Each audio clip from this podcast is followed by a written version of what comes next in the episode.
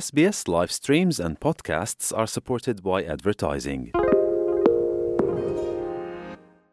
Vi ste uz SBS na Srpskom.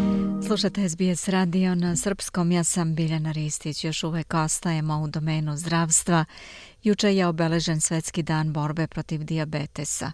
Svetska zdravstvena organizacija i Međunarodna federacija za diabetes su 1991. pokrenule inicijativu za obeležavanje Svetskog dana borbe protiv šećerne bolesti kao odgovor na porast obolelih od diabetesa širom sveta. Ovaj dan predstavlja najveću globalnu kampanju posvećenu podizanju svesti o diabetesu kod više od milijardu ljudi u više od 160 zemalja.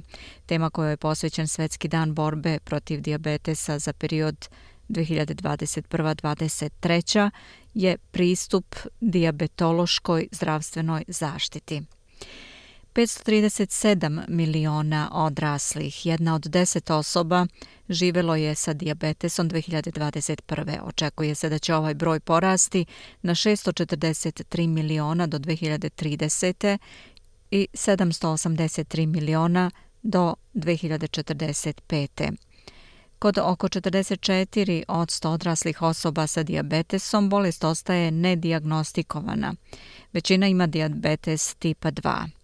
Više od 3 od 4 osobi ili 3 četvrtine sa diabetesom žive u zemljama sa niskim i srednjim prihodima. 541 milion odraslih je pod povećanim rizikom od razvoja diabetesa tipa 2, a više od 1,2 miliona dece i adolescenata od 0 do 19 godina živi sa diabetesom tipa 1. Ministar zdravlja i zaštite starih u Australiji Mark Butler najavio je da će federalna vlada subvencionisati inovativne tehnologije za lečenje i praćenje diabetesa tipa 1. Radi se o bezcevnom vodootpornom sistemu za ubrizgavanje insulina. Ova nova tehnologija biće dostupna mnogim australijancima koji žive sa diabetesom tipa 1, koji ranije to sebi bez subvencije nisu mogli da priušte. Ove insulinske pumpe, koje se ponekad nazivaju pač, odnosno flaster pumpe, nemaju cevčice kao deo infuzionog seta, već samo malu kanilu za olakšavanje isporuke insulina. Pričvršćuju se za kožu, tako da nema potrebe da se ljudi brinu o izboru odeće kako bi mogli da nose tu pumpu. Tehnologija nosive insulinske pumpe sada je pristupačnija za oko 130.000 australijanaca koji žive sa diabetesom tipa 1, zahvaljujući najavi ministra zdravlja i nege starijih da se Omnipod Dash sistem dodaje u nacionalni program za usluge u domenu lečenja diabetesa, skraćeno NDSS. Juvenile Diabetes Research Foundation je vodeća u svetu po podršci istraživanju diabetesa tipa 1 u svetu – Izvršni direktor Australijske ispostave fondacije Mike Wilson za Mediacast kaže da ova najava ministra Butlera znači da će veći broj australijanaca sa ovom bolešću imati više tehnološkog izbora da prati razvoj svoje bolesti. Što je važnije, to će im biti dostupnije što je kaže dobro zato što svakome odgovara različita tehnologija, a ova je bila nedostupna mnogima zato što nije bila subvencionisana. Preko 124.000 australijanaca živi sa diabetesom tipa 1, kaže Wilson. Mnogi od njih koriste insulinsku pumpu, a mnogi žele da je upotrebljavaju. Sada će svi oni imati izbor različitih pumpi, uključujući i Omnipod. Svako ko je zainteresovan da počne da upotrebljava ili da promeni tehnologiju tretiranja diabetesa, što može da bude izuzetno važna pomoć ovom tretmanu, treba da razgovara sa medicinskim profesionalcima i da dobije savet, kaže Mike Wilson za Mediacast. A u sljedećih nekoliko minuta čućemo razgovor sa profesorom doktorom Ostojom Vučićem koji će reći više o poremećaju koji se naziva insipidni diabetes. Aleksandar Živković razgovarao je sa njim. Da čujemo. Profesore Vučiću, dobar dan. Dobar dan, Saša. Imali smo prilike da čujemo više o šećernoj bolesti i diabetisu u našim emisijama, međutim, ja nisam znao da postoji još jedna vrsta diabetisa, i to ona neurološka pod nazivom diabetes insipidus ili insipidni diabetes. Pa na samom početku, da li bi mogli da nam pojasnite o kakvoj se neurološkoj bolesti ovde radi? Naravno, insipidni diabetes predstavlja patološko stanje nastalo kao posljedica nedostatka dejstva hormona ADH, zbog čega dolazi do nemogućnosti rezopcije vode u bubražnim kanalićima, odnosno e, do izlučavanja velikih količina mokraće niske specifične težine. Razlikuju se dva osnovna oblika ove bolesti, a to su centralni ili neurogeni incipitni diabetis koji je nastao kao posljedica neuspeha jednog dela mozga koji se zove neurohipofiza, da izbacuje ili sekretuje adekvatnu količinu hormona ADH. Druga vrsta incipitnog diabetisa jeste nefrogedni i incipitni diabetis koji je nastao kao posljedica rezistencije ili otpora bubrega na dejstvo hormona ADH. A kažete mi, da li je poznat uzrok nastanka ove bolesti? E, da, naravno, u većini slučajeva. Kod centralnog e, insipidnog diabetisa veći broj različitih uzroka može da uslovi razvoj ovog tipa diabetisa.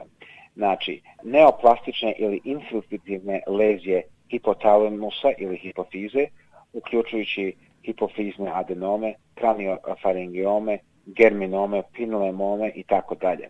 Drugi uzrok centralnog eh, insipidnog diabetesa jesu hirurgije tog dela mozga. Obično eh, odružena udružena sa prednjim hipotitiatrizmom.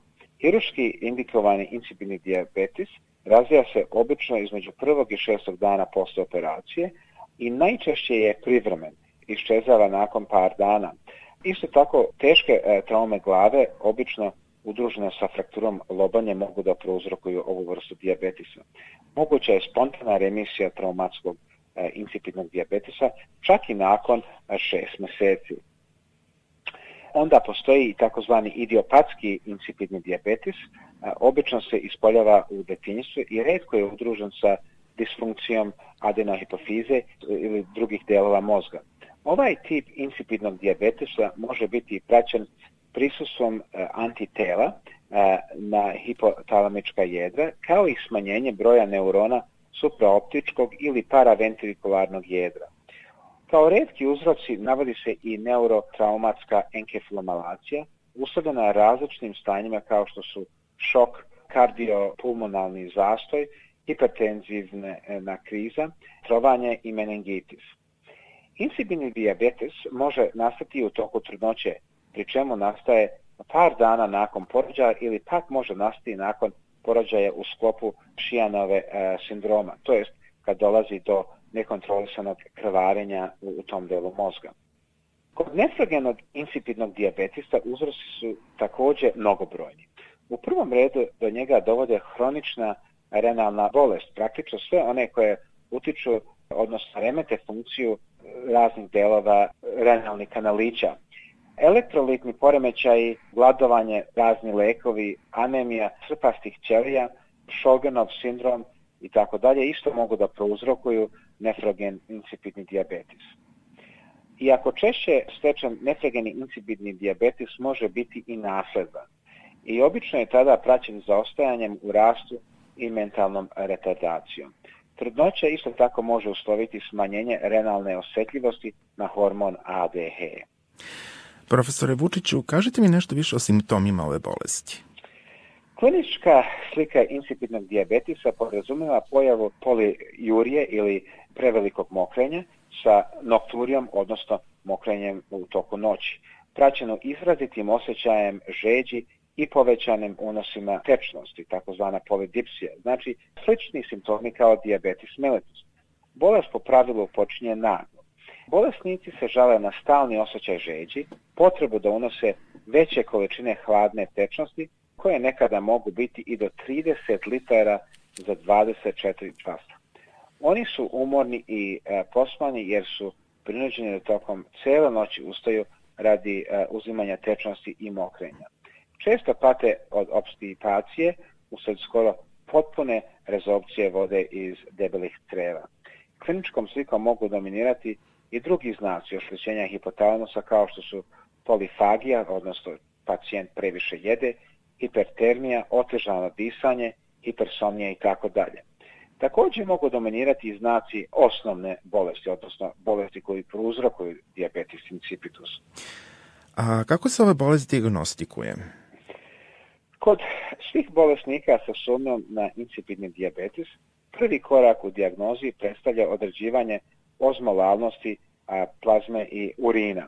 Kod oba tipa insipidnog diabetisa, ozmolalnost plazme je povišna ili normalno visoka, a ozmolalnost urina je niska. Za razliku od njih, primarnu polodipsiju odlikuje niska ozmolalnost i plazme i urina. Upoređivanje ozmolalnosti urina postignuto je nakon dehidracije sa onom koja se dobija nakon primjene ADH, predstavlja jednostavno, ali pouzdan način diagnostikovanja insulinog diabetisa, ali i razlikovanje deficita ADH od ostalih uzroka poliurije. U tu svrhu e, koriste se test žeđenja koji podrazumeva e, restrikciju unosa tečnosti dovoljno dugo da se postignu stabilne vrednosti osmolalnosti urina, odnosno da nakon dva uzastopna određivanja e, ozmolalost poraste za više od 30 poena. Profesore Vučiću, kako se leče ova bolest? Kod centralnog incipitnog diabetesa lek izbora u tretmanu ovog oblika jeste uzimanje desmopresina, dugodelujućeg sintetskog analoga va hormona vazopresina ili ADH-a. Lek se odlikuje prolongiranim antideuretskim delovanjem i gotovo je potpuno lišen prezornog efekta. Primenjuje se u vidu nazalnog spreja, obično u dozi od 10 do 20 grama 2 do 3 puta dnevno, što je za najveći broj obolilih dovoljno za presnah svih simptoma. Dok od bolesnika sa nefregenim insipidnim diabetesom ograničenje unosa soli kao i davanja diuretika smatra se najpovoljnijim vidom lečenja. Profesore Vučiću, hvala vam na ovom zanimljivom razgovoru. Hvala i vama. Želite da čujete još priča poput ove? Slušajte nas na Apple Podcast, Google Podcast, Spotify ili odakle god slušate podcast.